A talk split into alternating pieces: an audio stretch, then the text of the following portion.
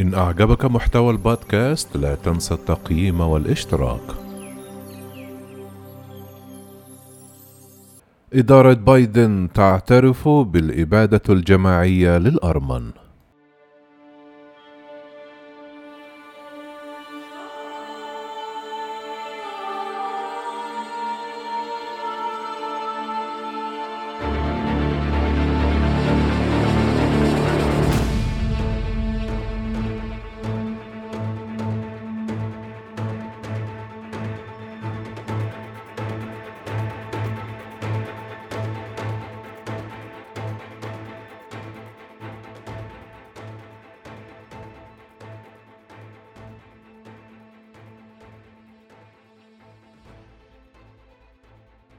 أفادت وسائل إعلام أمريكية الثلاثاء أن الرئيس الأمريكي جو بايدن سيعترف بالإبادة الجماعية للأرمن التي تسببت فيها الحكومة العثمانية خلال الحرب العالمية الأولى.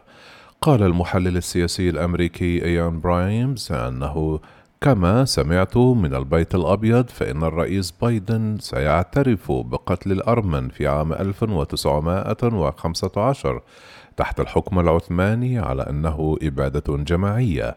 ستجعل هذه الخطوة بايدن أول رئيس أمريكي يعترف بالإبادة الجماعية للأرمن تحت الحكم العثماني.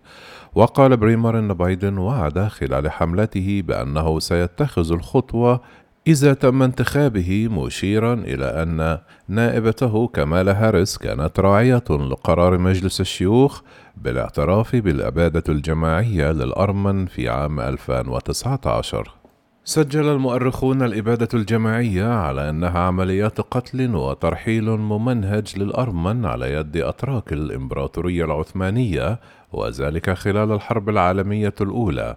وبحلول أوائل عشرينيات القرن الماضي عندما انتهت المذابح والترحيل أخيرا. قتل ما بين 600 ألف إلى مليون ونصف المليون الأرمني.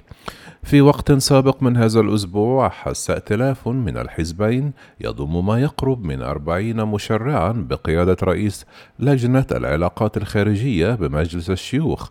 باب مينديز بايدن على الاعتراف رسميا بالإبادة الجماعية. قالوا في رسالتهم الإدارة ملتزمة بتعزيز احترام حقوق الإنسان وضمان عدم تكرار مثل هذه الفظائع. جزء مهم من ذلك هو الاعتراف بالتاريخ. خلال حملته الرئاسية أحيا بايدن ذكرى الإبادة الجماعية للأرمن في العام الماضي، وقال من المهم بشكل خاص التحدث بهذه الكلمات وإحياء ذكرى هذا التاريخ في لحظة يتم فيها تذكيرنا يوميا بقوة الحقيقة ومسؤولياتنا المشتركة في الوقوف ضد الكراهية، لأن الصمت هو تواطؤ. وقال إذا لم نعترف بالكامل بأطفالنا ونحيي ذكراهم وعلمناهم عن الإبادة الجماعية فإن الكلمات لن تتقرر مرة أخرى وتفقد معناها.